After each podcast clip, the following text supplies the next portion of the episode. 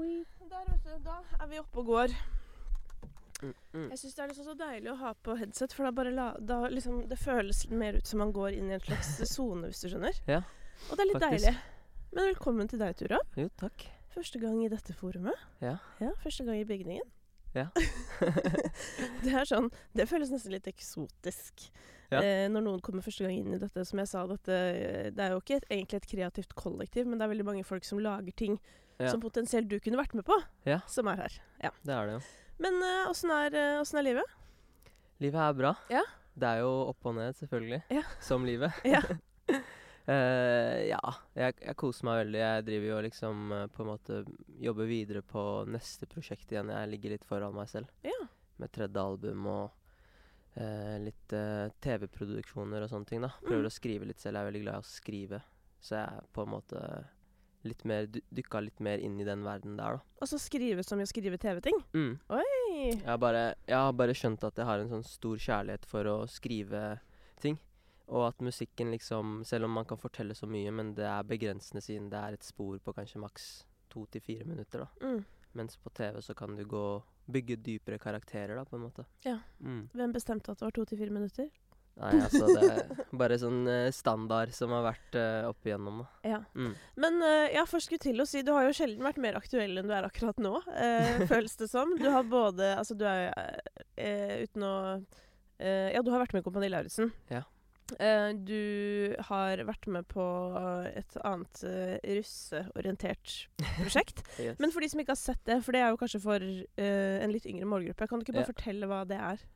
Det er en eh, serie som handler om eh, litt eh, Altså det presset rundt eh, russetiden, da. Mm. som mange opplever. Og det er liksom eh, i eh, Denne storyen er liksom satt i, på vestkanten i, n- Oslo, da.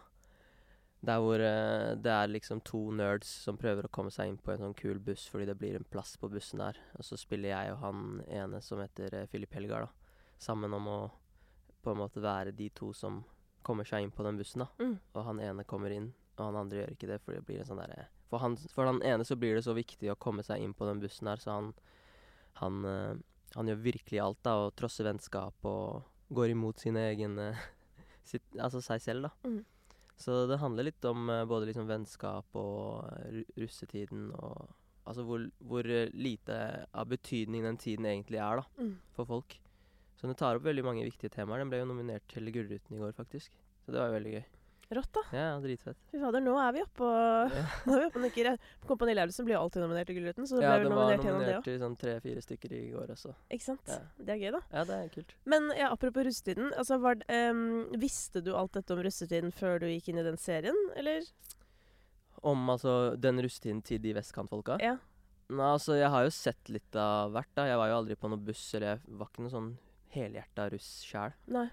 Men uh, det var alltid på en måte uh, Man så jo det rundt seg. Jeg pleide, å, jeg pleide å rulle med de folka, altså Da jeg var uh, russ selv, og da året før jeg var russ, så var jeg med liksom kids rundt omkring og kjørte både liksom øst og vest, da, og så liksom hvordan det hvordan det var. Mm. Og det er jo ganske, det er ganske ille. Men jeg tror ikke det var så mye drugs på den tiden som det er nå, da.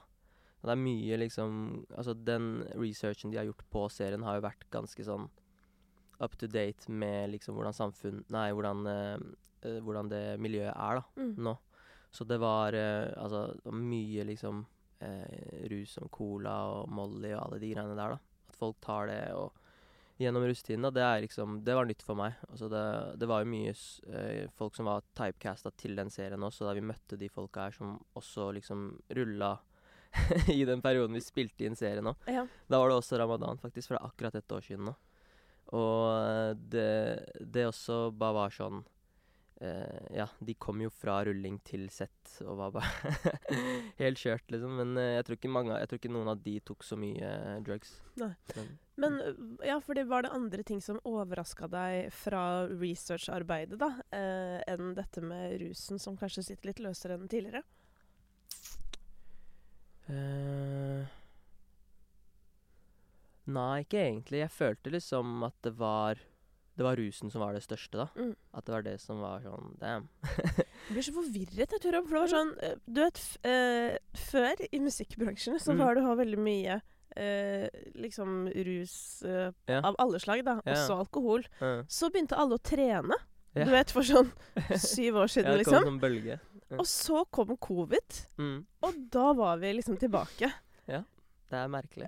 Hva skjedde? Jeg, jeg har tenkt på en ting. Jeg, dette er, du er den første jeg presenterer denne teorien for. Ok, kult. For jeg prøvde å tenke ut sånn Hva eh, er det som har skjedd? Og jeg hadde en del samtaler på Spellemann etter festen også om dette. Jeg pleier veldig sjelden å, å ta opp samtaler om rus selv, fordi Ja. Vet ikke om du vet eh, hva mitt forhold til rus er? Eh, nei, faktisk ikke. Nei, hva tror du? Jeg vet ikke, siden du sier det sånn, så Enten så ble du skremt i nei, øynene. nei, vet du hva? Jeg gjetter at du ikke begynte å drikke før Eller ta rus før du var veldig Altså mye eldre, da. Mm. Det er det jeg tror. Ikke sant. Ja, Er det helt feil? eh, nei, nei, det er ikke helt feil. Okay. Men uh, det er mer at jeg på en måte aldri har uh, egentlig ruset meg noe særlig i det hele tatt. Ja, ok. Det vil si, jeg har aldri, jeg har aldri prøvd en sigarett. Mm. Jeg har aldri ruset meg på noe annet enn alkohol. Og selv da så vet jeg på en måte egentlig ikke om jeg noensinne har vært sånn Eller jeg har kanskje Jo, det har vel hendt ved en anledning eller to. Ja. eh, at jeg da har vært Altså jeg har på en måte Jeg har ikke mistet kontrollen, men hvor Nei. kontrollen har vært litt mindre fast, da, kan Ja. du si. Ja. Eh, men det gjør jo det er, Og det er det ganske mange som vet. Så jeg føler at sånn hver gang jeg kommer inn i en sånn samtale, så blir jeg på en måte bare avskrevet fordi jeg er hun PK som okay. Skjønner du? Ja, ja. Um, men, men av en eller annen merkelig grunn så havnet jeg i en del sånne samtaler. Og så begynte jeg å tenke på det etterpå. Sånn, fordi da var jo beskrivelsen at sånn utelivet i Oslo f.eks. har Mm. blitt på en måte litt At det har blitt litt mer sånn negativ stemning rundt å dra ut, nesten. Fordi det har blitt så jævlig sånn ja, Ja. rusorientert, ja. liksom. Mm. Um, at folk drar ut kun for å ruse seg, liksom. ja, låta er litt sånn Mm. At folk er på en måte sånn Det er ikke sånn 'Å, gøy, danse, Ja, ja. woho!' Det er Ja, liksom ikke det den. Det er mer sånn danse, Det er nesten litt sånn aggro på et eller annet nivå.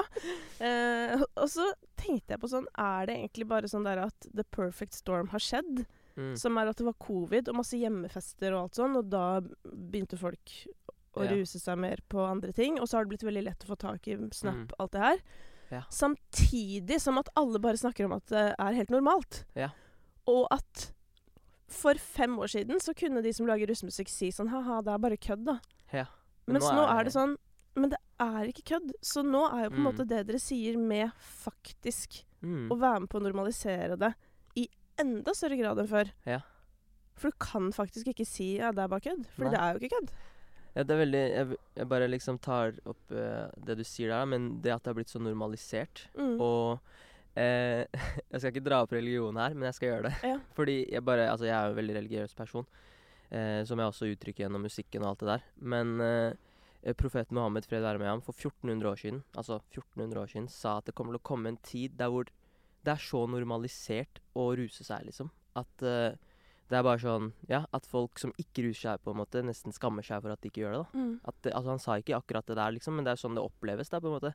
Sånn når du også nevner at du ruser deg lite, men liksom hver gang du kommer inn i et rom, så er folk sånn mm, ikke sant? Mm. Men det, du er jo Du gjør jo en du, Det er jo liksom Ja, folk hyller deg for det, da. Men egentlig så burde jo det være standard. Eller det var standard på et tidspunkt òg. Kan jeg tenke meg. Så, ja, Ja, det er, det er bare veldig sånn eh, på, Samtidig da, så er det jo heldigvis flere også som er åpne om Mm, at folk ikke driver med ting. Ja. Eh, men det føler jeg kommer liksom sånn mer At jeg ser for meg at Jeg bare så at sånn Det er noen folk på TikTok og sånn som har begynt å liksom ta standpunkt til sånn Ja. Hva er det som skjer med verden?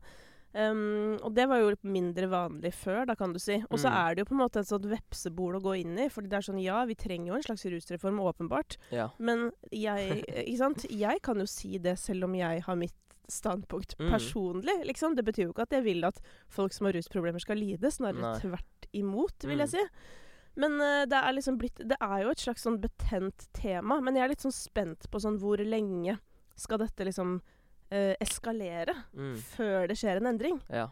Nei, altså det, det er veldig interessant det der, fordi som du sier da, med en gang covid kom, så ble det bare en sånn bølge. Og jeg tror folk ble veldig litt sånn derre Folk var jo veldig få eh, i grupper Mm. rundt omkring, så jeg tror det var lettere å ty til rus og ruse seg sammen, da.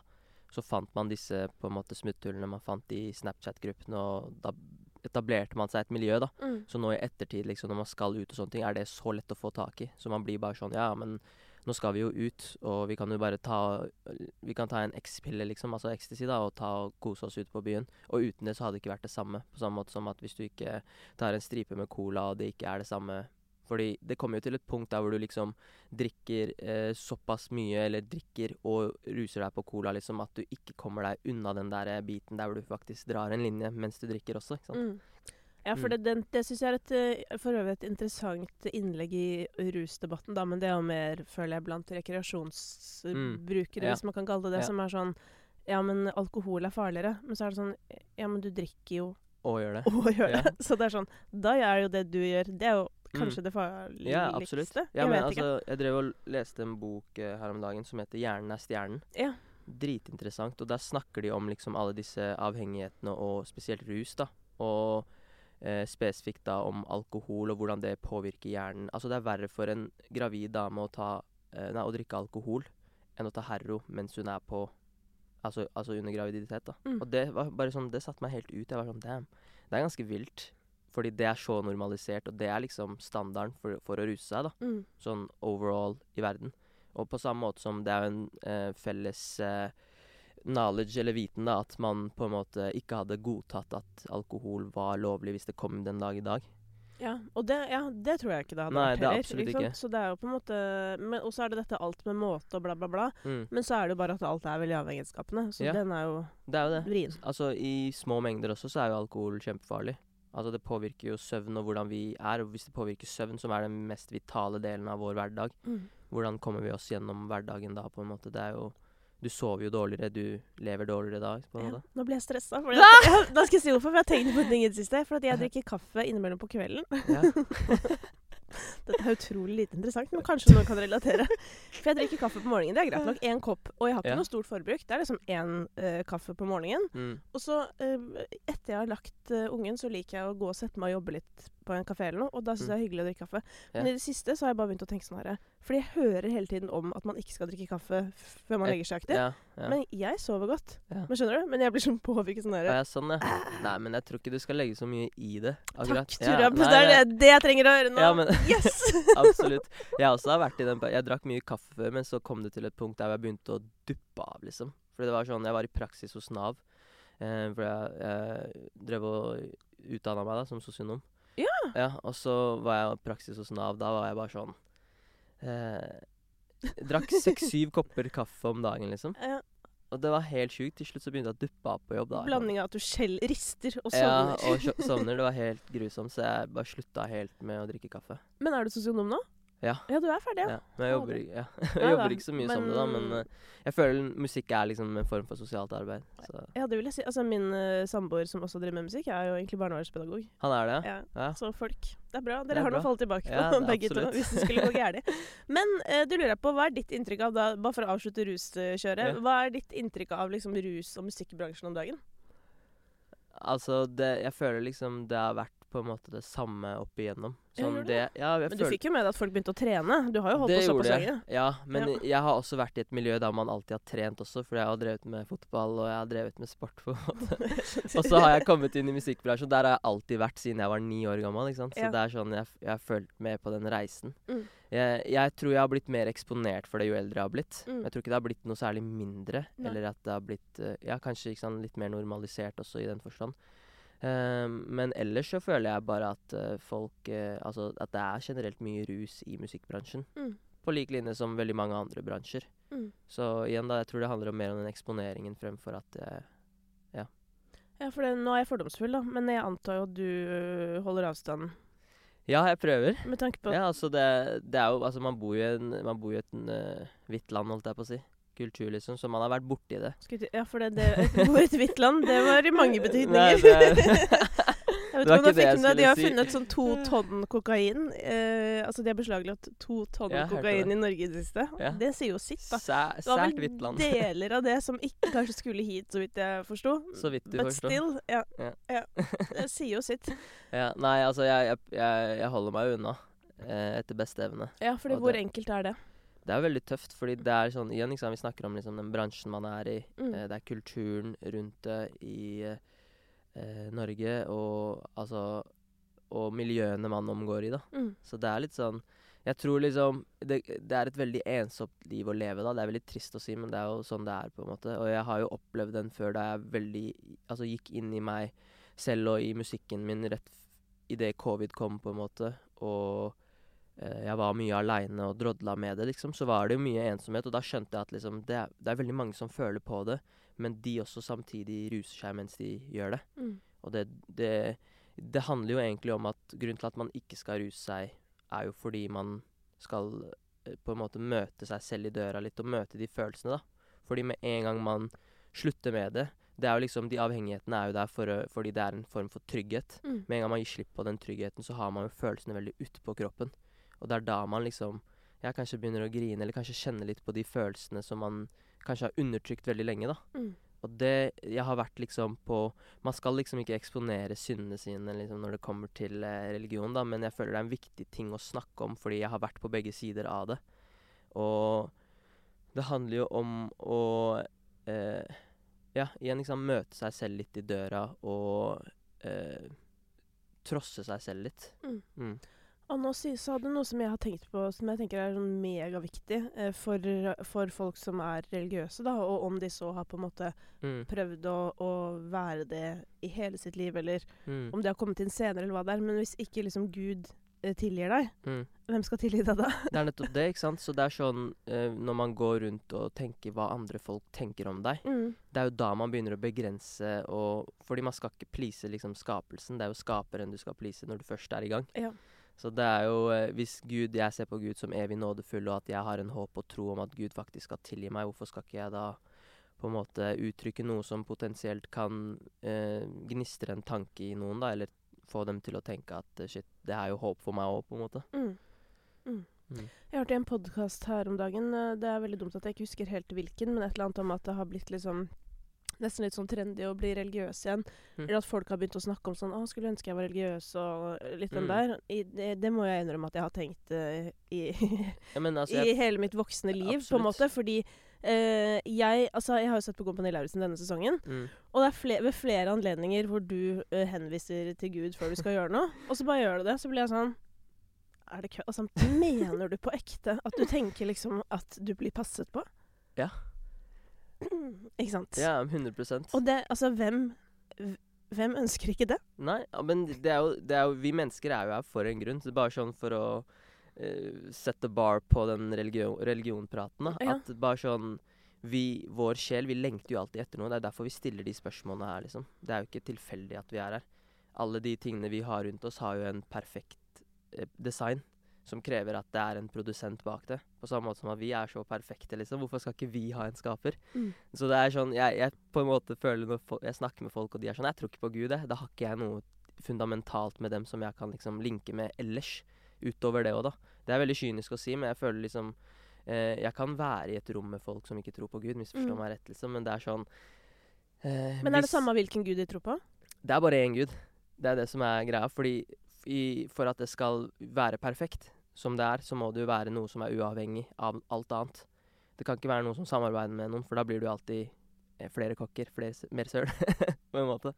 Så det er jo det som har vært troen helt siden jødedommen, siden Abraham, eh, siden Jesus, siden profeten Mohammed, liksom, at alle disse her er Guds religion, da. Og at Gud på en måte perfeksjonerte religion til slutt med siste kapittelet, for det har ikke kommet noe siden da. Og den er jo den som er logisk. Den tar opp vitenskapelige ting som alltid har vært on point. Både da i form av liksom hvordan det var med romerne, og hvordan det var med egypterne og sånne ting. liksom. Bare for å ta frem sånne historiske høydepunkter for å vise at det på en måte er Guds ord, da. Men nå sitter vi og snakker, og jeg er jo ikke spesielt religiøs. Nei. Men jeg eh, Ja, for det jeg er spent på hva du da tenker om mitt perspektiv, Ja. som er at jeg bare er veldig åpen. Mm. Um, og alltid nysgjerrig. Ja. Eh, så mm, tenker jeg jo at Og det tror jeg også kommer litt sånn med årene. At sånn Mm. Jeg håper, og på en måte tror litt at det er noe. Ja. Men jeg har ikke på en måte tatt stilling til hva det er for Mm. meg. Nei, jeg kjenner veldig mange som uh, har den tankegangen, da. Mm. Og jeg tenker det er veldig bra enn å bare benekte det, fordi hvem er vi til å liksom Det, det føler jeg er veldig arrogant, da, bare benekte alt. Det, det blir litt sånn derre Nei, jeg er min egen Altså, det er sånn eh, Man føler liksom at man er top of the food chain, da, og det er vi jo egentlig ikke. Nei, Guri, for det er sånn jeg har tenkt veldig mye på. Nå har jeg snakket mye om egoisme og sånn i dette Ja. forumet, men Mm. jeg har jo Eh, jeg tror jeg alltid tenkte at jeg er nederst på kjeden sammen med alle de andre menneskene, hvis du skjønner. Men, eh, og dyrene og plantene, for så vidt. Altså alle levende skapninger. Mm. Ja. Men, um, men det derre Det er jo et perspektiv også veldig mange får etter hvert som tiden går. Hvor Ja. liten du er. Ja. Altså hvor liten jeg er, hvor liten du er, hvor, hvor små vi alle er. Og ikke minst, hvem er vi hvis vi på en måte bare tar hensyn til oss selv? Mm. Da er Det er ingen Det er liksom som du sa. Mm. Da er man ensom. Og det er trist, og det er mørkt, liksom. Vi er jo her sammen. Ja. Og det der at sånn Det syns jeg er interessant med tanke på sånn der Å, vi skal hjelpe Ukraina, ikke sant. Altså, Mm. Nå skal vi ikke ta hele verdensdebatten her, men det er jo interessant.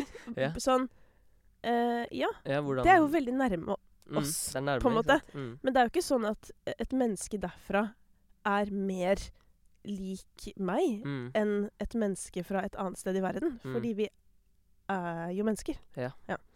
Og den der, den også tenker jeg sånn å, Jeg er nysgjerrig på sånn For det føltes jo ut som fra starten så var jo alle Ja, alle var Like, hvis du skjønner. Nei, men så var alle liksom ikke, Om ikke Men vi, da var på en måte alle sånn likeverdige, Ja. regner jeg med, da? Ja, Eller sånn absolutt. fra. Jeg vet ikke hvem det starta med. jeg tror vi har bare med. fått alt servert. Ikke servert, men nå har vi alt, på en måte. Ja. Og da er det sånn nå, Men nå har vi jo det. Vi har mat på bordet, og vi har drikka, liksom. Og vi har liksom Alt er good, vi har tak over hodet. Hvorfor skal vi belage oss på noen? Vi har taco og taco på hodet. Det er en rapptekst. Vi har taco over hodet, liksom. ja. Men, da blir det beef. Ja, det blir det. Men, men det jeg lurer på, det er sånn Du opererer jo i en bransje som er grunnleggende relativt selvopptatt. Eh, det handler liksom om deg, og du skal på innspilling, og du Mm. skal på Kompani Lauritzen, og da er det premierefest der. Uff. Og så skal du i studio i morgen, og det er ganske stress, for kanskje du til og med må rekke frisøren, og du må finne et antrekk. altså, skjønner du hvor jeg vil? Yes. yeah. um, hvor selvopptatt klarer du å bli tross kunnskapen du har? ja, sånn, ja. Eh, jeg prøver å løsrive meg fra det hele tiden. Ja. Og det hjelper jo som sagt å ha en gudstro, fordi du connecter alt opp mot den troen, da. Mm. Sånn all min suksess og all, all min sorg, glede, alt det der connecter jeg opp mot Gud. Og jeg merka jo liksom på meg at med en gang jeg ble gudstroende, at musikkarrieren min, og altså karrieren min generelt også, begynte å ta fart. Fordi jeg vet at det er noe Gud ville utfordre meg på, da. At han ikke ville gi meg Eller hen, jeg vil ikke si at det er en han, men Mm. at uh, Gud ikke ville gi meg disse mulighetene før jeg skjønte at jeg skal et annet sted etterpå. Fordi da kan jeg få denne verden her. Fordi denne verden her er jo midlertidig. Så jeg kan få det midlertidige så lenge jeg fokuserer på det som skal vare for alltid i senere tid, da. Og i etterlivet. Mm. Så det, det, det er det som jeg liksom konstant bruker til å løsrive meg selv fra den selvopptattheten, da. Ja, for dette her er jo akkurat det jeg jobber med, bare at jeg kanskje ikke har det helt samme perspektivet. Mm.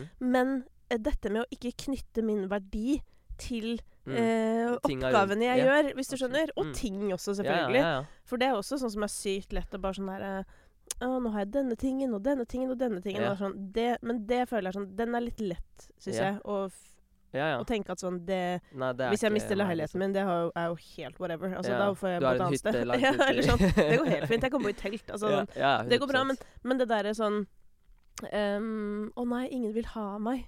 Mm. Eller den greia der, da. Ja. Den uh, sitter jo litt dypere. Ja. Men hvis du møter på liksom mot, uh, motstand da, i karrieren, eller sånn.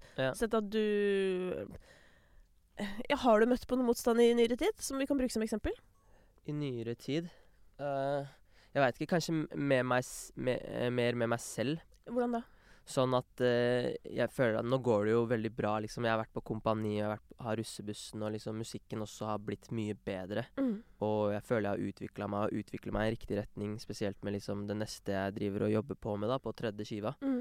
Men likevel så er jeg sånn Det går ikke, liksom. Jeg får det ikke til. Jeg stagnerer, og jeg føler at uh, jeg ikke blir uh, lyttet til, da. Mm. Og liksom, det er jo liksom igjen en sånn egoting. At det er sånn faen, ass. Det er ingen som Hvorfor velger de ikke meg? Ja, hvorfor Ja. velger de ikke meg? Men Ja.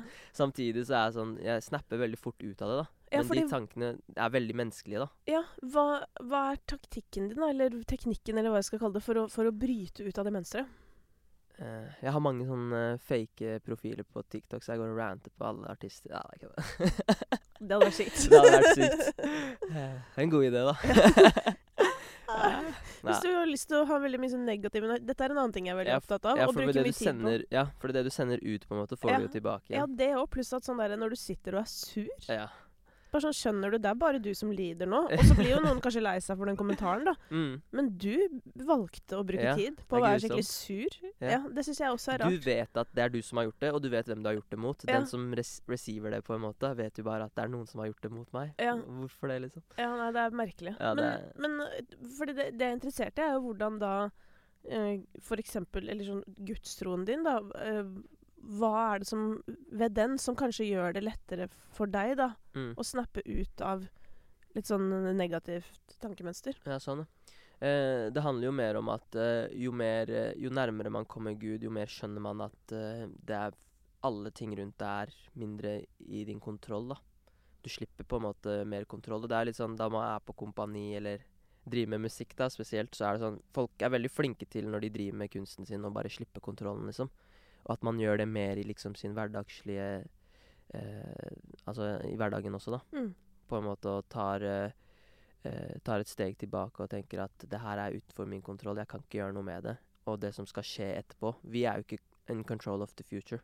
Så det er jo noen andre som er det, på en måte. Og det er- Med en gang man gir slipp på den kontrollen, da, så tror jeg man lever et lykkeligere liv fordi man er takknemlig for mer og mer ting, da. Og det er liksom takknemlighet er, Altså er vitenskapelig bevist å liksom aktivere noen transmitters i hjernen som gir deg mer lykkerus, da. Mm. Fordi du begynner å legge merke til liksom flere og flere dypere lag i løpet av hverdagen din. Du, tar, du er virkelig liksom takknemlig for de små tingene. da, og det, den, Jeg mener liksom små ting er veldig metaforisk for at det er liksom Ja, at det er eh, Det kan være at du klarer å få inn eh, tråden inn i nåla, liksom.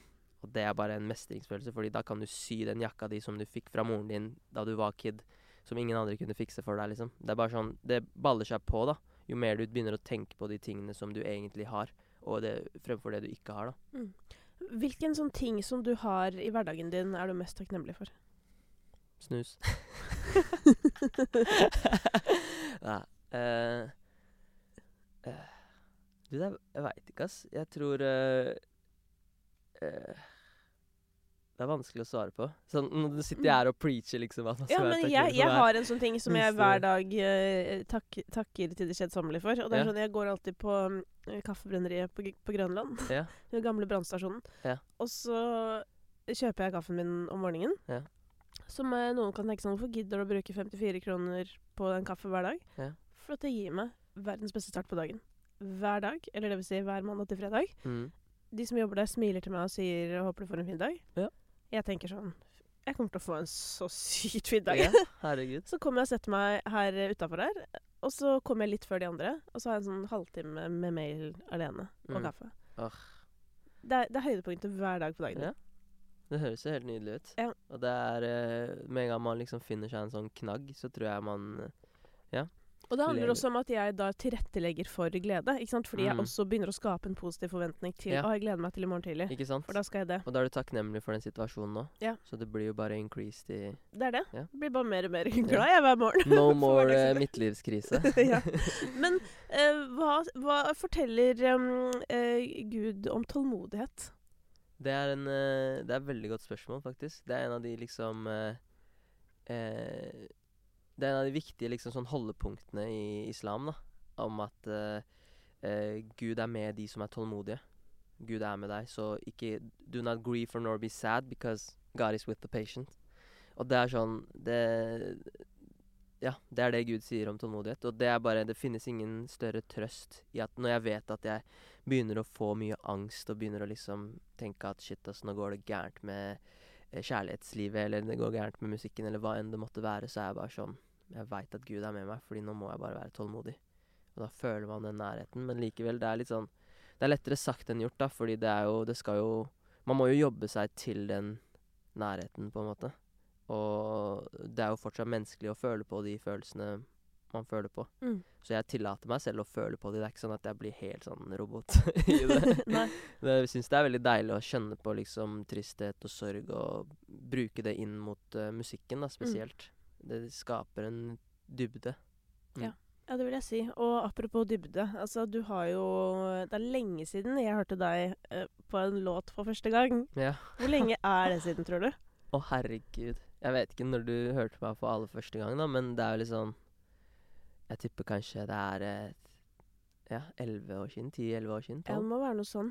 Hva er det du hørte for første gang? Nei, jeg prøver å tenke. Kan det ha vært det derre um, eh, prosjektet Gatekunst? Ja. Da er det mer enn tolv. Elleve-tolv år siden. Ja, det er det, ikke sant. Ja, Ja. fordi ja, det var første gang Det var første gang jeg husker at jeg liksom la merke til deg. Ja. Eh, det var jo et sånt prosjekt Jeg har nesten glemt eh, hva det i det hele tatt var. Men det var jo Fortell. Ja, det var, eh, det var jo gatekunst, som det het. Mm. Det var jo bare et, et prosjekt eh, som var eh, for eh, etablerte artister som skulle lage et album med uetablerte artister. Da, Mm. da hadde jo liksom mange av de som er på den norske rapp- og musikkscenen eh, i dag, da. Blant annet eh, Du har hatt eh, eh, Karpe som har vært med, Chirag, eh, Kave var med vel en periode. Jonas Benjob. Madcon, Timbuktu har vært med, Ken Ring. Bare masse sånn kule profiler, da. Mm. Så det var jo liksom at det samla disse folka her, og de skulle liksom da ha lage et album med kids som var på audition og ga fra seg alt, på en måte. da. Mm. Og jeg ble på en måte maskot i det prosjektet, fordi onkelen min starta jo det prosjektet. Oh, ja. Så det er der, sånn jeg kom inn i det i det hele tatt. Ja. Jeg skulle jo egentlig ikke være med, men det er sånn, jeg har fortalt den historien her tusen ganger, men det er bare sånn det, det var jo litt sånn Onkelen min tok med meg, og så skulle han på en måte være barnevakt for meg, og så hadde jeg akkurat fått en uh, Snoop Dogg-skive. ja. Så jeg drev og rappa på den, da. Ja. Så jeg fant en mikrofon i, noen, i en sal der hvor det ikke var noen folk, så var det Snoop Dogg som spilte, da. Så jeg plukka opp mikrofonen og bare begynte å rappe, og så sto Chirag bak meg. Ja. så, var han, bare sånn, han var helt bare sånn Hva faen, bror, du kan jo rappe, liksom. Skal vi ta med deg til uh, Uncle G, liksom, og vise han at du kan eh, de greiene her, du òg, da. ja. Og da var jeg bare sånn Nei, jeg vet ikke. jeg vet ikke, altså Det, det var jo bare absurd for meg, liksom. Jeg gjorde jo det her fordi jeg syntes det var gøy. Ja. Og jeg gjør det fortsatt Heldigvis, det er gøy. å. Ja. Heldigvis. Ja. lol. Uh, og så tok han med meg til onkelen min, og han var sånn Hva mener du, liksom? Han der, han er jo bare en liten pjott, liksom. Ja, For hvor gammel var du da? Ni. Det er sykt. Ja, Ja, så det det, er ja. det begynner jo Ja, det det er vel 17, det er 17 år siden nå i år. Shit. Mm.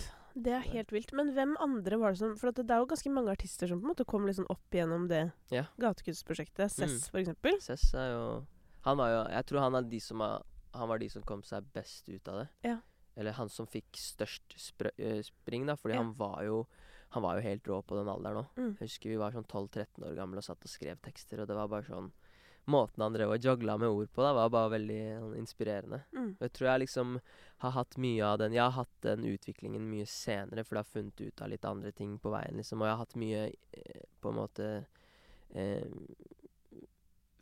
Jeg har hatt mange som har sagt mye utenifra, da. Så jeg har liksom på en måte ikke funnet min vei helt, fordi jeg har prøvd å please veldig mange andre. Ja, altså folk som har fortalt deg hvordan du burde høres ut? Ja. Ikke sant? Og det har vært et Klassisk. ja, veldig stort problem i mange år. Før opp til liksom de siste tre-fire årene, ikke sant. Mm. Hva har folk sagt, da? Hvordan syns folk du burde være?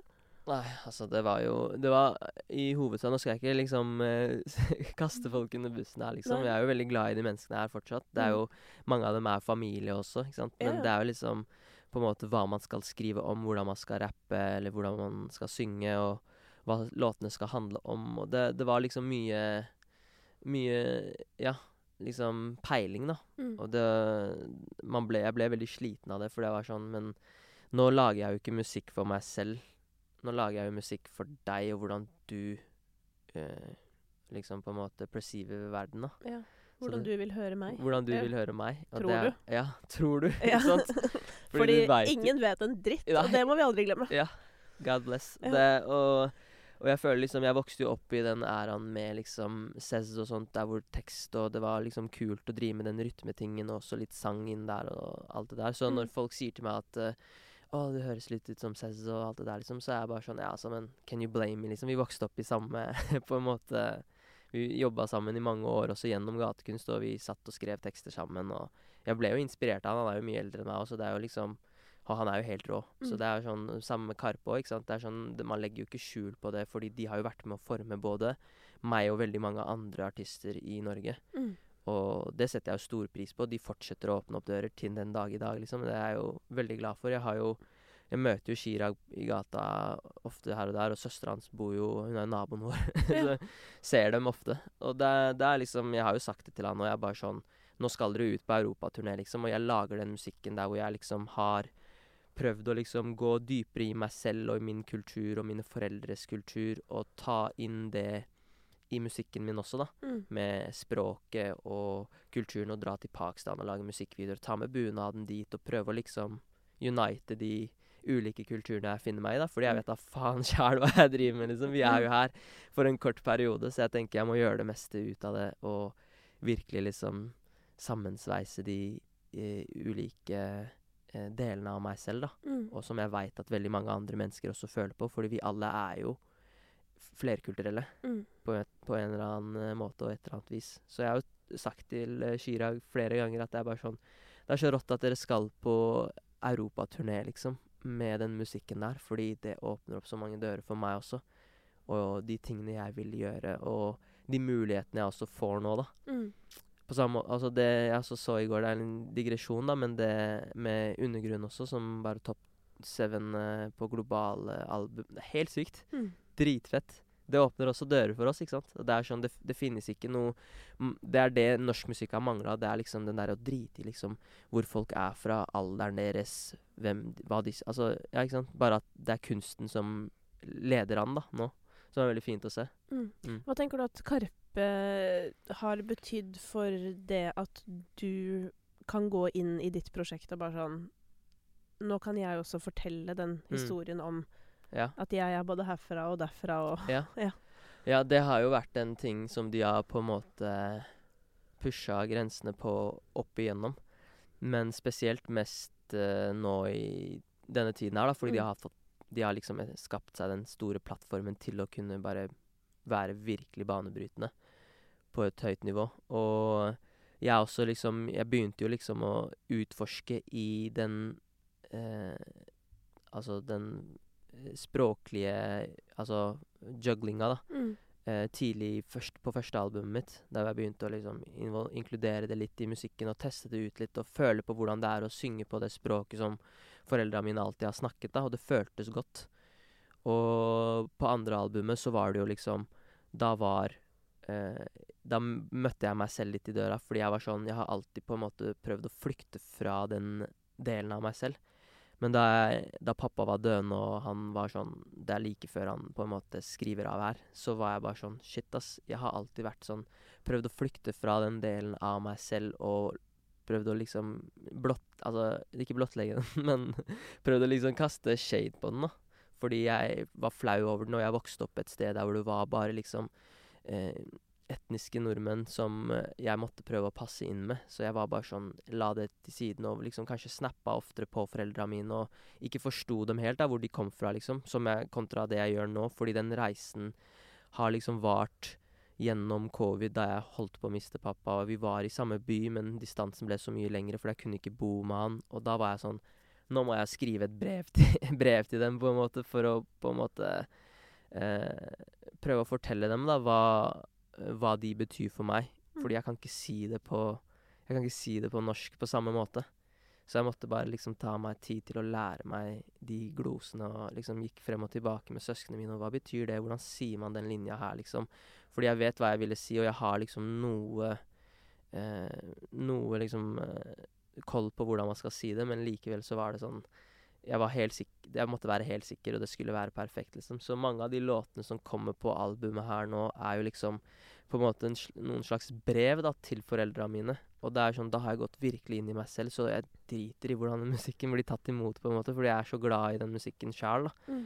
Og det har liksom vært veldig eh, banebrytende for min del, da, fordi jeg har bare tenkt at nå må jeg bare Nå kjører jeg bare mitt løp, liksom, og lager den musikken jeg virkelig brenner for og elsker, da. Og det kommer jeg til å ta med meg videre i de neste prosjektene, og gå mer inn i dybden, da, på altså å renewe soundet er én ting, men også liksom perfeksjonere det og gjøre det til et enda større univers.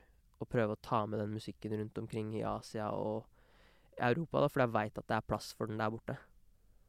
Åh, det er fint å høre. Det er sånn um, Ja, det var en, det var en viktig sånn add-on-informasjon for meg at, at eh, låtene på en måte er skrevet eh, Fordi de er jo åpenbart veldig personlige, og, og jeg opplever de også som nære. Men at det Ja. også på en måte kanskje er noe du har tenkt at sånn At du skal fortelle til foreldrene dine på et eller annet nivå, da. Mm.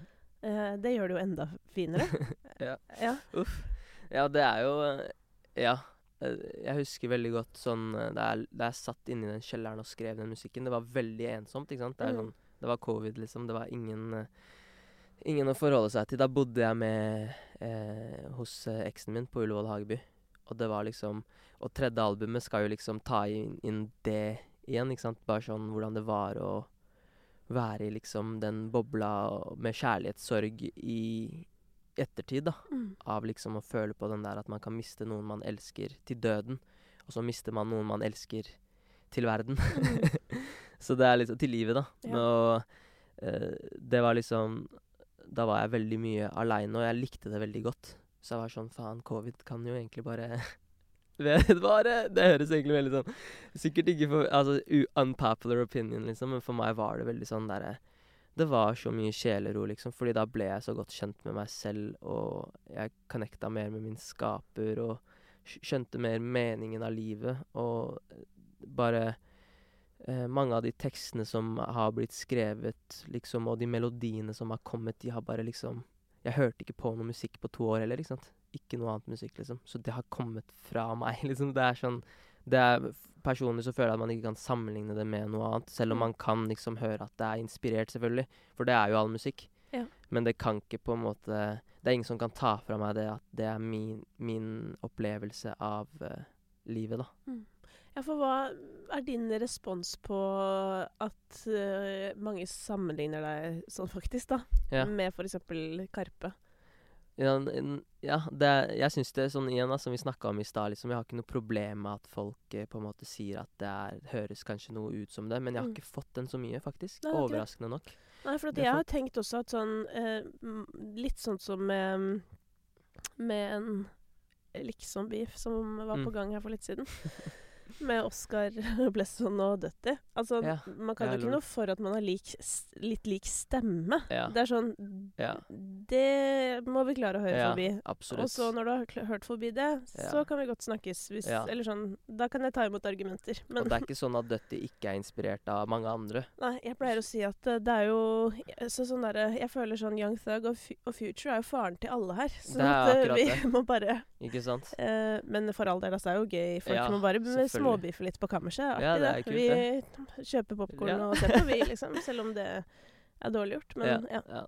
Nei, men eh, jeg har følt liksom at eh, det har vært litt uh, uh, Jeg har fått den derre hybrid-greia. at eh, jeg er en sånn derre hybrid av uh, Cess og Karpe, litt sånn. Og det er sånn Mm. der, ja, men det får være liksom Det er, det er jo det jeg på en måte er, da. Fordi jeg Ja. er jo vokst opp i den æraen mellom de to. Mm. Så jeg er på en måte Jeg må skrive min egen historie, sånn at det kommer noen etter meg som kan inspireres av det jeg har gjort, og det noen andre har gjort, og mashe det sammen, ikke sant. Ja. Det er jo derfor man collaber, på en måte. Du har jo sett Karpa Cez collabe. Du har sett Unge Ferrari og Cez collabe. ikke sant? Alle disse folka som er med på å definere vår generasjons musikere. da. Mm. Mm. Som uh, er en ganske god gjeng etter hvert. Veldig Altså. bra gjeng. Det er ganske ganske imponerende, rett og slett. Mm. Mm. Men eh, når du da er med på Kompani Lauritzen, f.eks., Mm. eh, hva er motivasjonen din for det? Jeg sa det eh, litt i sånn der en, eh, Fordi jeg ble spurt av VG, så sa jeg sånn helt ærlig Blant annet de tingene som alle andre nevner også, med liksom selvutvikling og møte seg selv litt i døra og gi slipp på kontroll og sånne ting, men Mm. også av publisiteten. Ja.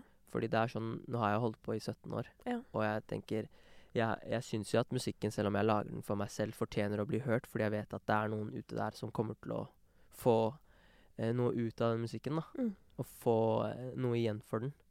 Så eh, det handler jo Altså, det er jo mest for eksponeringens eh, skyld også, vil jeg si. Var det verdt det? Ja. ja. 100 ja. Jeg hadde tatt eh, baklengsstupet om igjen. Ja, Men det så jo på en måte ikke ut som kostet deg noen Nei. ting. Ja, nei, ja, shit. Det, sånn sett, ja. ja. Nei, jeg følte ikke det, jeg heller, fordi jeg var bare sånn Fordi det første baklengstupet Har du sett det? Ja, jeg har sett det. Altså det er For de som ikke har sett det, for noen har jo ikke sett det. Så for det Ja. som jeg pleier å si, selv om det er veldig mange som ser på, Ja. så er det jo også sånn fire millioner som ikke ser på. Ja. Eh, og til alle dere. Ja. eh, så kommer dere jo på en måte Altså, innspillingen starter, og Mm. da må dere ta baklengsstup. ja. Det er og, litt sånn. Og det baklengsstupet er mye høyere enn det vanligvis er. Fordi det er to baklengsstup. Jeg kan ta en spoiler på det liksom, i løpet av sesongen. Og det andre baklengsstupet er jo sånn standard Fem meter? Nei, det er 3,54. Oh, ja, okay. Men det vi hoppa på der eh, med en gang vi kom dit Ja. I hodet mitt så opplevdes det mye høyere, men alle sa at det var mye høyere fordi de aller fleste overdrev jo og overroterte. Ja. Så jeg tror det var sånn nærmere fem meter. Ikke sant. Men der bare gikk jeg for det, fordi jeg var sånn Nå er vi jo her! Ja. Skal jeg bare begynne å lage filmer from, the first, from the beginning, liksom? Ja. Men det der, ja, for det for meg er liksom lettere sagt enn gjort. Ass, fordi hvis du skal gjøre noe du syns er ekte ekkelt, liksom, så Ja. ja. Men eh, for all del, jeg, jeg, jeg får jo veldig mye sånn skam i at skal jeg lage problemer for gruppa? Ja. Det går jo ikke. ja ikke jeg kan ikke liksom Mm. Det er flaut. Jeg tror jeg Så- kanskje følte litt på den òg, ja. sånn når du sier det. Og da Sånn- må du på en måte bare kaste deg uti og håpe på det beste. For vi også hadde fra i vår sesong starta med at vi var på en båt, Ja. og så måtte vi hoppe fra Ja, båten. Det var også sånn fire-fem meter eller et eller ja. sånt. Eh, og så måtte vi måtte svømme, inn til land, liksom. det var bare sånn Jeg kjente sånn Jeg hadde bare én ting jeg gruet meg til, for jeg syns jo på en måte sånn der å være på sånne greier Eller jeg liker jo naturen, jeg liker trening, jeg liker jo Jeg gruet meg bare til å sove på rommet med andre voksne, egentlig. Mm. Eh, og kaldt vann. Uff, ja. Og kaldt vann. Og bare sånn Det var bare kaldt vann hele Ja, tiden, følte jeg. Ja, så det var ikke noe sånn sett drøm, men det gikk jo greit. Men du eh, er jo litt obsternasig, holdt på å si. Eller nei, det er feil å si. Hva? Jeg føler alle, ses alle sesonger har hatt på en måte sin eh, Uh, Ja, la meg bruke ordet vrang, da, siden Ja. vi er hos meg. Uh, sin vrange person. Ja. Eh, jeg var, er jo ikke det, merkelig Nei. nok. Men eh, nei, det var jo liksom Vinni. Startet med Vinni.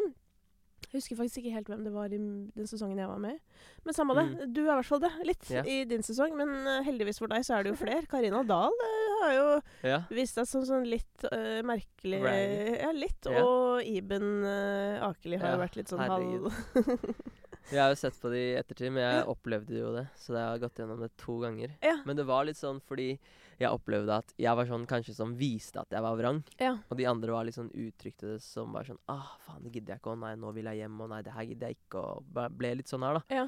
Og da ble man litt sånn derre Shit, ass. Det befalet er jo bare De vil jo De passer meg under norm, litt under norm. Fordi Ja. de mener at jeg på en måte eh, ikke viser nok at jeg vil være her. Men Ja. så er det folk som driver og uttrykker det og krangler med befalet og sånne ting. Det var bare litt sånn Ja.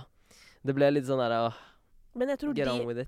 Åpenbart så syns jo de at du unnasluntret. Ja, men det gjorde jeg jo også. Ja, For det er noe du kan kjenne deg Ja, ja, igjen i. absolutt. 100 Hvorfor gjorde du det, da? Altså, jeg skal være ærlig. Jeg, jeg vokste jo Nå har jeg lagt liksom Kompani litt øh, liksom. Men jeg kan jo bare si det. Ja, det er jo litt det. merkelig, da. For det, det er jo nå alle andre folk lever i det. Ja, det er sant. Ja. Men de kan lese alle artiklene og alt som finnes, på en måte. Ja. Men eh, grunnen til at eh, Jeg har jo liksom vært Jeg er fra en sånn kultur, denne pakistanske kulturen, liksom. Og da mamma og pappa, liksom, eller i hvert fall mamma, da, har bare kjempet meg bort så mye opp igjennom. Ja.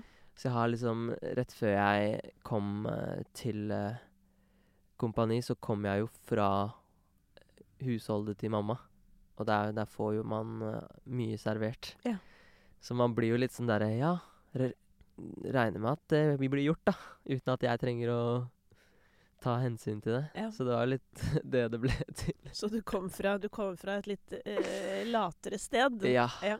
Men eh, jeg blir jo sånn Med en gang jeg kom hjem fra kompani, så dro jeg jo til Pakistan. Ja. Og da jeg kom hjem fra Pakistan Fordi én ting er at jeg kom fra Altså dro til kompani fra hjemmet til mamma, som er liksom Jeg blir bortskjemt og lat, og det er sånn Jeg gidder ikke å ta oppvasken engang, og det er bare helt krise, liksom. Ja. Til at jeg kommer til Pakistan! Ja. da kan du tenke deg hvordan det er, for der er det jo liksom Men der er det jo liksom eh, Med god grunn så er det jo stor skille, for der er det sånn gutta skal passe på gården og sitte med pistolen og liksom Det er heavy hitters. Mm. Og damene er hjemme, og de lager mat og sånne ting, så der lever de litt på den måten, da. Som er forståelig. Men jeg som liksom da kom fra litt mer sånn norsk hjem likevel, Ja. var litt sånn derre Shit. Uh, nei, jeg kan ta min egen tallerken, altså. Det går helt fint, Ja. liksom. Og de var bare sånn Nei! Det skal du ikke. Og gutta som var sånn Hei, hva driver du med, liksom? Hvorfor skal du ta tallerkenen, liksom? Det går ikke. Jeg var sånn Å, såpass? Er det såpass? Jeg var sånn Nei, nei, jeg vil ta den tallerkenen her, fordi nå får jeg vondt i kroppen min for at jeg liksom lar de damene her liksom bare holde på ikke på en måte noensinne kreve noe tilbake fra den typen, men så samtidig så skjønner jeg det også, fordi gutta krever jo ikke at damene er i, på gården. Og liksom, de lever jo litt på, fortsatt på 70-80-tallet, på en måte, med tanke på hvordan de um, Ja, de driver jo gård, og liksom de, kjøp, de får ut melk fra kyra sine, selger det videre til eh, naboen. De får, de får egg, ikke sant. Mm. Nå har de jo kanskje Ja, det var et teit eksempel, da, men nå har vi jo familien vår en gård der hvor de har tilgang til det meste. Så det er jo en større skille mellom kjønnene der borte, da. Mm. Så jeg tror jeg ble veldig bare lat når jeg kom til kompani, men da jeg kom hjem fra Pakistan, så var jeg bare sånn Nå må jeg flytte ut. Ja. så jeg flytta ut sånn et par uker etterpå, Ja. da jeg kom hjem fra Pakistan. For jeg var sånn Det her går ikke. Men øh, ja, apropos det der med to verdener, da. Mm. Uh, og når du da får Altså, hvor ofte er du i Pakistan? Det er ikke ofte. Nei. Nei. Jeg var der eh, i 2017 før jeg var der nå i høst. Mm.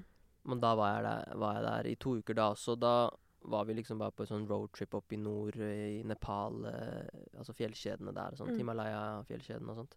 Det var veldig vakkert. Så det var ikke sånn eh, var ikke så mye familiebesøk og besøking og sånt. Og jeg tror jeg kanskje har vært i Pakistan sånn fem ganger. Fem-seks ganger. Mm. Fordi når du ser da hvordan livet er der Mm. versus her, Ja. hva tenker du Hvor tenker du at du hører hjemme? Det er absolutt her. Ja. Jeg kunne ikke, jeg kunne ikke sett for meg å bo der. Uh, nei. Det, tanken gir meg gåsehud. På den dårlige måten? Nei, eller? altså ikke på den dårlige måten, men mer på sånn derre shit Jeg kunne egentlig vært der, liksom, og hvordan hadde livet vært der? Mm. Bare sånn alt som kommer med, da. Jeg kunne vært en gårdsgutt, liksom. Jeg kunne sittet der som han ene fetteren min som er tre år yngre enn meg, da. Mm. Født i 2000, liksom. Og han eh, Han er på gården liksom fra sola går ned til etter sola har stått opp, og sitter der med en shotgun, liksom. det er en helt absurd verden. Mm. Så sitter vi her liksom og tenker at eh, Stakkars meg, ingen hører på musikken min. hører på musikken min, liksom. Ja. Og bare sånn Nei, jeg, jeg blir ikke glad hvis jeg ikke får kjøpt den jævla kaffen på Kaffebrenneriet for 54 spenn, liksom. Det er sånn Ikke sant? Du Ja, nei, liksom det er de helt ekstremt. Ja, det, og de er bare sånn Takk Gud, jeg lever i dag, ass. Ja. Kyra har det bra. Men det der har jeg tenkt på, for jeg, jeg er jo glad i å gå ut i naturen også og Mm. leve Mm. uten den kaffen du 54 under, da. Tro det tro det eller ei. Ja, men jeg, har- jeg, jeg har med kaffe, da. Det Ja, har jeg. Ja. Så det er jo en viss luksus. Men det jeg syns er så interessant da, er at sånn Um, nå, det, altså, nå har jeg jo ikke vært ute sånn i lenge, siden jeg har jo barn og sånn, så nå blir det mer sånn kortere turer. Men jeg har jo vært på en del liksom Ja. flere netter alene ute i Mm. skogen-aktig. Jeg tror jeg har sett det litt vi, er på Insta. Ja, Mm. Og det er litt Det er sånn dritgøy. Den derre Å våkne bare sånn jeg, jeg trenger ikke noe mer enn dette. Nei. Og det er på en måte litt greit å minne seg selv på. Altså, det, dette er jo nok. Ja. Så hvordan jeg klarte jeg i forrige uke å sitte på kontoret, du vet, med hele verden i fanget-aktig, Ja. og føle at det ikke var nok? Mm. Det er jo interessant. da. Og så ser Ja. du på andre mennesker rundt omkring i verden ja, som sitter og vokter gården da, eh, hele natten lang, Mm. Men kanskje har et helt fint liv. Ja. Er glad, liksom. Men det er igjen, da. De er connecta til kilden på en annen måte. Så når du også er ute i naturen, liksom Det er dine frekvenser. Det er våre frekvenser, på en måte. Det er, det er naturen, liksom, i sitt rette Altså, vi er i vårt rette element, da. Mm. Vi har det bra fordi vi er der vi skal være, på en måte. Og virkelig grounder oss selv, da. Så det er jo igjen, da, for å liksom sy det sammen inn igjen med det jeg nevnte i stad, med at eh, jo mer man føler at man prøver å faktisk eh, eh, please skapelsen fremfor skaperen, så tror jeg man lever et mer miserabelt liv på et eller annet vis, fordi du hele tiden skal gå og liksom tenke at eh, eh, Ja, at du skal tilfredsstille alle andre, da. Men når du er ute i naturen, liksom, så tar du vare på deg selv mer, liksom. Mm. Det er, det er bare deg som er Du dyrker deg selv mer, da. Og det, det tror jeg veldig mange har godt av. Jeg tror, det er, altså, jeg tror folk burde gjøre mye mer av det. Jeg har jo en sånn, et mål nå i sommer. Jeg tror, jeg skal ikke reise eller noe sånt så mye, fordi jeg føler liksom at vi bruker jo veldig mye Altså, vi forurenser jo veldig mye på veldig mange måter. Mm. Så jeg har lyst til å utfordre folk litt, og jeg skal ta med meg noen venner og gå til Kjøben. Oi! Så jeg, tr jeg håper det Det blir får bra på TikTok. ja, det blir bra på TikTok. Jeg håper vi får det til. Men uh, det er jo liksom mange formål bak det. Hovedformålet er jo da liksom at man skal liksom aktivere folk mer, da. Mm. Og vise at det her er liksom mulig. Og det å bare gå i seg selv, for hjernen hvor bra det er, liksom, og hvor, hvor godt det gjør kroppen, da. Gå litt gjennom naturen òg, da, så får dere den effekten òg. Ja, men vi skal det. Vi skal telte, og vi skal ikke liksom sove på noen hoteller og Ja. Så det blir Ja, det er dritgøy. Ja. Ja. for det er apropos Jeg jobber jo med DNT, da, så hashtag reklame her, holdt på å si. Oi. Men, Ja, ikke sant, ikke- ehm, men uh, Ja, så jeg, var nettopp ute og lagde noe innhold for de i går. Men, Ja. uh, og for meg selv, holdt på å si. Eller sånn, Det er jo Ja. dritdigg. Men da er det jo det derre Det som er digg med, med å være ute òg, er jo at sånn Jeg er jo veldig mye på ferie her hjemme. Eh, og da er jo på en måte plutselig all gåing, eller all reisingen, Ja. er jo på en måte en del av ferien, hvis du skjønner. ja, dritbra. Fordi eh, i stedet for sånn der eh, å bruke liksom tre dager på altså, Men på mine eldre dager, det er sikkert det også som er grunnen til det, Mm. så har jeg blitt sånn derre tanken på at jeg skal reise et sted som tar 17 timer, da. Altså sånn som du var i Pakistan. Det er sånn jeg kan Altså, det er jo interessant å se verden og sånn, så det kommer jo til å skje innimellom. Ja. Men før så hadde jeg jo lyst til det Ja. året rundt, hvis du Mm. skjønner. Mens nå er jeg mer sånn åh, kan jeg gå fem dager i fjellet, vær så snill? Ja, ikke sant. Ja. Fader. Men jeg har et uh, spørsmål til deg. Ja. Sånn uh, Hva hadde du gjort hvis du var uten kaffe, og du var på fjellet i fem dager? Hvordan hadde det vært for deg? Det hadde vært helt fint. Det hadde Det hadde helt vært fint. helt fint. Mm. Er det lettere sagt enn gjort nå? Eller tenker du for, Eller har du, vært, har du Nei, for jeg drikker jo så lite kaffe. Jeg Du drikker jo bare én til to kopper om dagen. greit, så det er ja. ikke sånn uh, Men jeg, jeg for eksempel har vært på Kompani. Ja. Uh, jeg, drikker, jeg er veldig snobbete. Du drikker ikke sånn filterkaffe? Eh, jo, hvis den er God? Hvis den Ja. kommer fra et visst sted, holdt på å si. Da. Men og det gjorde jo ikke den kaffen der, så da drakk jeg ikke kaffe. Men jeg hadde faktisk med Aeropress, sånn, sånn at jeg liksom hvis, jeg, hvis det ble tid og Ja. anledning, liksom. Men Mm. det ble det jo sjelden. Nei. Så da drakk jeg egentlig ikke noe særlig kaffe. Ja. Ehm, men eh, Og da, det gikk jo helt fint. Ja. Så, men det som er interessant, er jo Jeg tror jo at sånn eh, At på en måte litt sånn avhengighet, da, eller hva jeg skal si, eller den At det er Mm. For meg er det kanskje at jeg er litt sånn avhengig av ritualet mer enn jeg er av koffein. Ja. ja. Så uh, det å skulle sitte på jobben uten den kaffen, det Mm. hadde jeg nok måttet jobbe mer med. Men Ja. hvis jeg er ute og har det konge, så er det liksom Da er det ikke så viktig, for det er, ikke ikke, det er ikke hoveddelen av ritualet. Nei. Da kunne jeg funnet blåbær, hvis du skjønner. Eller noe, og bare sånn her Mm. blåbær. For å høres helt frelst ut. Men jeg er jo på en måte det av naturen, da. Ja, ja. absolutt. Så, sånn er det bare. Helt nydelig. Men jeg også eh, hadde, jeg hadde motsatt greie på kompani. Jeg begynte å drikke kaffe der. da. Nei, er det sant? Ja, jeg drikker jo ikke kaffe. Nei. Jeg slutta jo for et par år siden. Jeg har liksom kanskje to-tre ganger i året der hvor jeg tar meg en latte, liksom. Ja, Og det er luksus. Ja. Men ellers så er det sånn Det er sjeldent. Ikke sant. Ja da, men det, jeg er ikke noe interessert i å være avhengig av noe som helst. Mm. Sånn sett. Men uh, jeg er sikkert avhengig av både Mac-en og telefonen og Ja, jeg tror vi alle er avhengig av noe. Ja. ja. Dessverre. Men Mm. det liksom Hvis jeg skulle på en måte ehm, Jeg øver meg på å Hva heter det? Skille meg fra telefonen. Ja. Og det er blitt litt lettere med tanke på barn, for jeg vil ikke at hun skal se meg som ser i Ja, skjermen. det er bra. Ehm, så der, det har jo tatt ned betraktelig, da. Ja.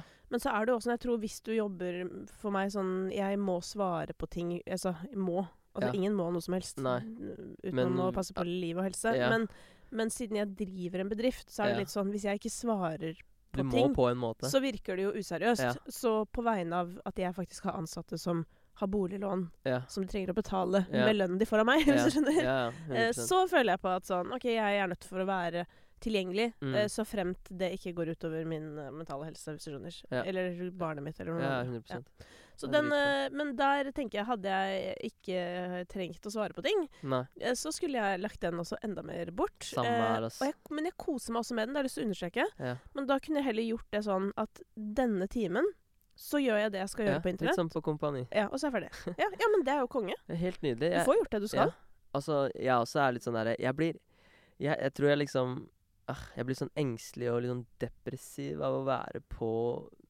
sosiale medier. Fordi nå har jeg følt at nå er det, sånn, nå er det til et, kommet til et punkt der hvor jeg må være det. Mm. Av musikken. Jeg må pushe musikken og legge ut en story. Bare ja, ny låt ute, eller Mm. nå har jeg vært der, eller nå er det ditt og datt, og anmeldelse her, og hurra meg rundt der, og nå skal jeg jo på prisutdeling, og ja, se på meg, og Man blir så ah! Det er så Man blir, man blir så sliten av det, og jeg, du vet hva?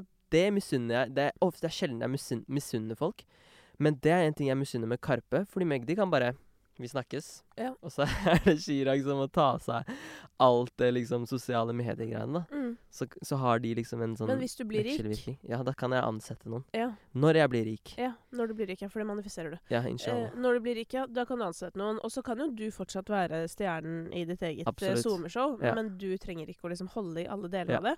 Og da tenker jeg, det der med å liksom lage team rundt seg, eller Mm. omgi seg med folk og ting som er bra for deg Ja. eh, Hvis det er en stor plage for deg å holde på med eh, ting på mobilen, Mm. så er jo det da en ting som går opp på prioriteringslisten over ting det er verdt Ja. å bruke penger på. Ja. Ja. Nice. Så den er jo veldig grei. Men du, en ting jeg, som jeg har lyst til å spørre deg om før vi gir oss i dag. Ja. Um, jeg vet ikke om du Var du på Spellemann? Nei. Nei. Jeg eh, Så du på det? Nei. Nei, ikke sant. Men da skal jeg rapportere en liten ting. okay. For at uh, i en av de svært mange takketalene Ja. til Karpe, Ja. så sa Magdi Og nå må jeg passe meg litt, for jeg klarer ikke å gjengi det ordrett, men han sa et eller annet om at Ja. Jeg tror jeg vet Jeg tror jeg har sett den klippet, Ja, hvor viktig det er å uh, fortelle historien til de som kom til Norge først. først. Ja. Mm. Fordi snart er ikke de her lenger, Ja. på en måte. Mm. Og det um, tenkte det, Da fikk jeg et sånn tydelig bilde, for det, jeg intervjuet Abid Raja for ikke så lenge siden. Mm. Uh, og han fortalte sånn ekstremt levende om at hans, altså hvordan det var da hans foreldre kom, ikke sant? for de var jo også sånn Mm. blant de første. Yeah. Um, og hvordan den historien han fortalte meg da, Mm. er ganske annerledes enn kanskje din historie, da. Yeah. Selv om du også har Hvor var det du vokste opp igjen? Manglerud. Manglerud, ja, ikke sant? Mm. Uh, men selv du eh, sitter jo med følelsen at sånn du var den eneste Mm. eh, der og da, ikke sant? Yeah. Mens nå igjen, for de som er unge nå, sånn Datteren min eh, går i barnehage, Ja. eh, og hun er den eneste etnisk norske på sin avdeling. ja. Og ellers er det liksom Det er på en måte Det er Færøyene, Ja. det er Shit. Romania, det er liksom nå har vi gjort det de eh, fryktet, altså. Tatt over landet her. Nei, men det var- jo hele poenget mitt. Og sånn, eh, det er når man da sier at, um, at det er folk fra forskjellige kulturer, så er det Mm. sånn på ekte fra hele verden. Ja. Og det elsker jeg. Ja, det helt Tenk så fantastisk eh, det er for et, sånn, et sted som en barnehage, da. Mm. Så er det sånn OK, nå har eh, barnet fra Færøyene bursdag. Hvordan gjør dere det? Ja. Kommer inn med det, ikke sant? Ja. At de kommer inn, og de lærer av hverandre, og det er så ekte cute å se på. Ja. Men helt annerledes enn da du gikk i Ja. barnehagen, hvis du ja, skjønner. altså det er ekstrem verdifull kapital å ha med seg i livet, da. Tenker jeg. Å vokse opp med så ulike Ja, så mye mangfold. Ja, det, det tenker jo jeg jo Ja. 100 Men det jeg ville fram til, fordi jeg brukte 100 på å stille spørsmål, som jeg alltid gjør, det tar jeg selvkritikk på. Men det er liksom um, um, hva du tenkte om det Magdi sa. Ja, sånn, ja. Mm, nå har jeg jo bare fått det fra deg, da, men Ja. jeg tror jeg bare så litt uh, Han sa jo at det aldri har blitt lagd så mange uh, filmer og sånn, og skrevet så mange bøker om andre verdenskrig som i det siste, fordi de eh, som var der Ja, Det er snart ikke flere igjen av de. Ja, ikke sant. Uh, ja, jeg tenker jo, ikke sant, i en litt sånn uh, Da jeg liksom uh, begynte å jobbe på andre skiva mi, som skal ut nå, og da var jeg jo litt sånn Jeg må også fortelle historien til mine foreldre, på en måte, for de var også blant de Altså, foreldra deres der igjen var jo de første som kom til Norge, men Mm. Mamma var jo veldig ung da hun kom hit, hun var åtte. Og det å liksom eh, For henne også kan jeg ikke forestille meg hvordan det har vært ikke sant, å sjonglere de kulturene. Og hvem har fortalt hennes historie der igjen, ikke sant. Og det er sånn Kanskje hun ikke har så stort behov for å bli den historien fortalt, fordi hun har andre ting å tenke på. Hun er jo bare sånn ja, nå har hun fått seg et barnebarn, og hun eh, er fornøyd med livet og skal kanskje etter hvert begynne å pensjonere seg og sånne ting, da. Så ja, jeg, jeg, tenker, eh, jeg tenker det er veldig fint å minne seg selv på da, at eh, det her er en generasjon som er på vei ut. Og igjen, som jeg også har nevnt, liksom at grunnen til at jeg skrev den musikken her òg, er jo fordi med en gang foreldra våre dør, på en måte, så mister vi en slags tilknytning til den kulturen. Og det er jo dog viktigere å fortelle de historiene da. Mm. Og det er fint å se at det er veldig mange som på, eh, kaster seg på den ballen, da. Og eh, snakker om de tingene her, fordi det er ting som eh, uniter oss mer enn det skiller oss eh, fra hverandre. Så det er Jeg tenker det er ja, kjempefint og viktig. Mm. Vi er alle mennesker, som vi var inne på tidligere i dag. Absolutt. Merk, det er merkelig hvordan det liksom ikke sitter helt, altså. Det gjør ikke det. Vi Nei. sier det faen meg hver dag. Ja, liksom. er det vi er sånn alle mennesker. Så ja, er det bare så er det sånn sånn Ja, disse menneskene er litt mer verdt enn disse menneskene, Ja. og dette landet er litt bare Ja, Nei, det er det ikke. Det er så mye greier, ass. Det er sånn eh, Ja, vi sier hele tiden at vi er mennesker, og så oppfører vi oss som dyr. Det er sånn Ja. How ironic. ja. Hva, hva skjedde Hva skjedde? på veien? Ja, men la oss krysse fingrene for at vi blir eh, bedre, da. Ja. Ja. Vi må det. Slenge hele verden inn på Kompani Lauritzen. Se om de blir bedre menneskeversjoner av seg selv. Ta det gjennom ti minutter med fenriken.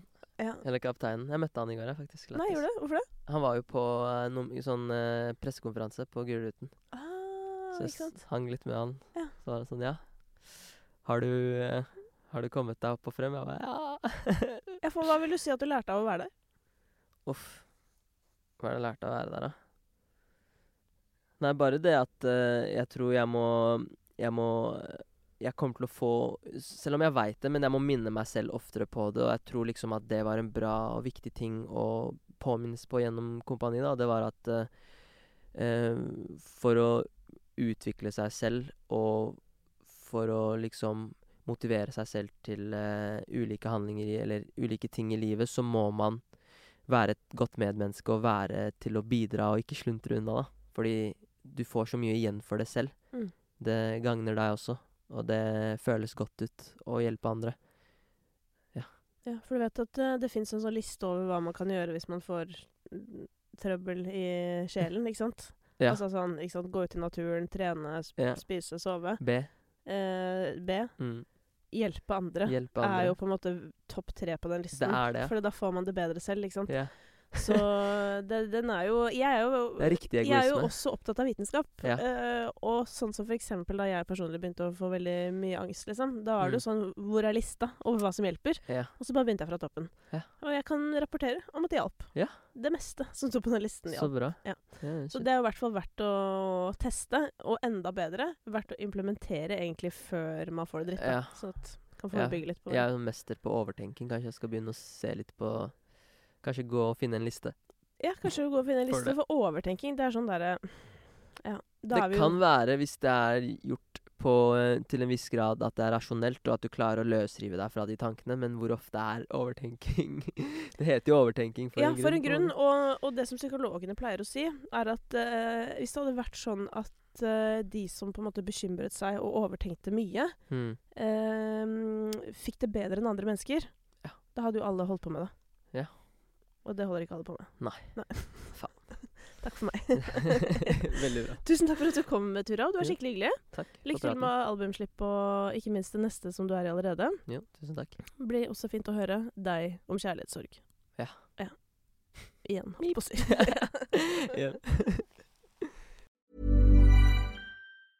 Hey, it's Paige DeSorbo from Giggly Squad. High quality fashion without the price tag. Say hello to Quince. I'm snagging high-end essentials like cozy cashmere sweaters, sleek leather jackets, fine jewelry, and so much more. With Quince being 50 to 80% less than similar brands. And they partner with factories that prioritize safe, ethical, and responsible manufacturing. I love that. Luxury quality within reach. Go to quince.com slash style to get free shipping and 365 day returns on your next order. Quince.com slash style. Imagine the softest sheets you've ever felt. Now imagine them getting even softer over time. That's what you'll feel with Bowl and Branch's organic cotton sheets. In a recent customer survey, 96% replied that Bowl and Branch sheets get softer with every wash. Start getting your best night's sleep in these sheets that get softer and softer for years to come. Try their sheets with a 30-night guarantee. Plus, get 15% off your first order at bowlandbranch.com. Code BUTTERY. Exclusions apply. See site for details.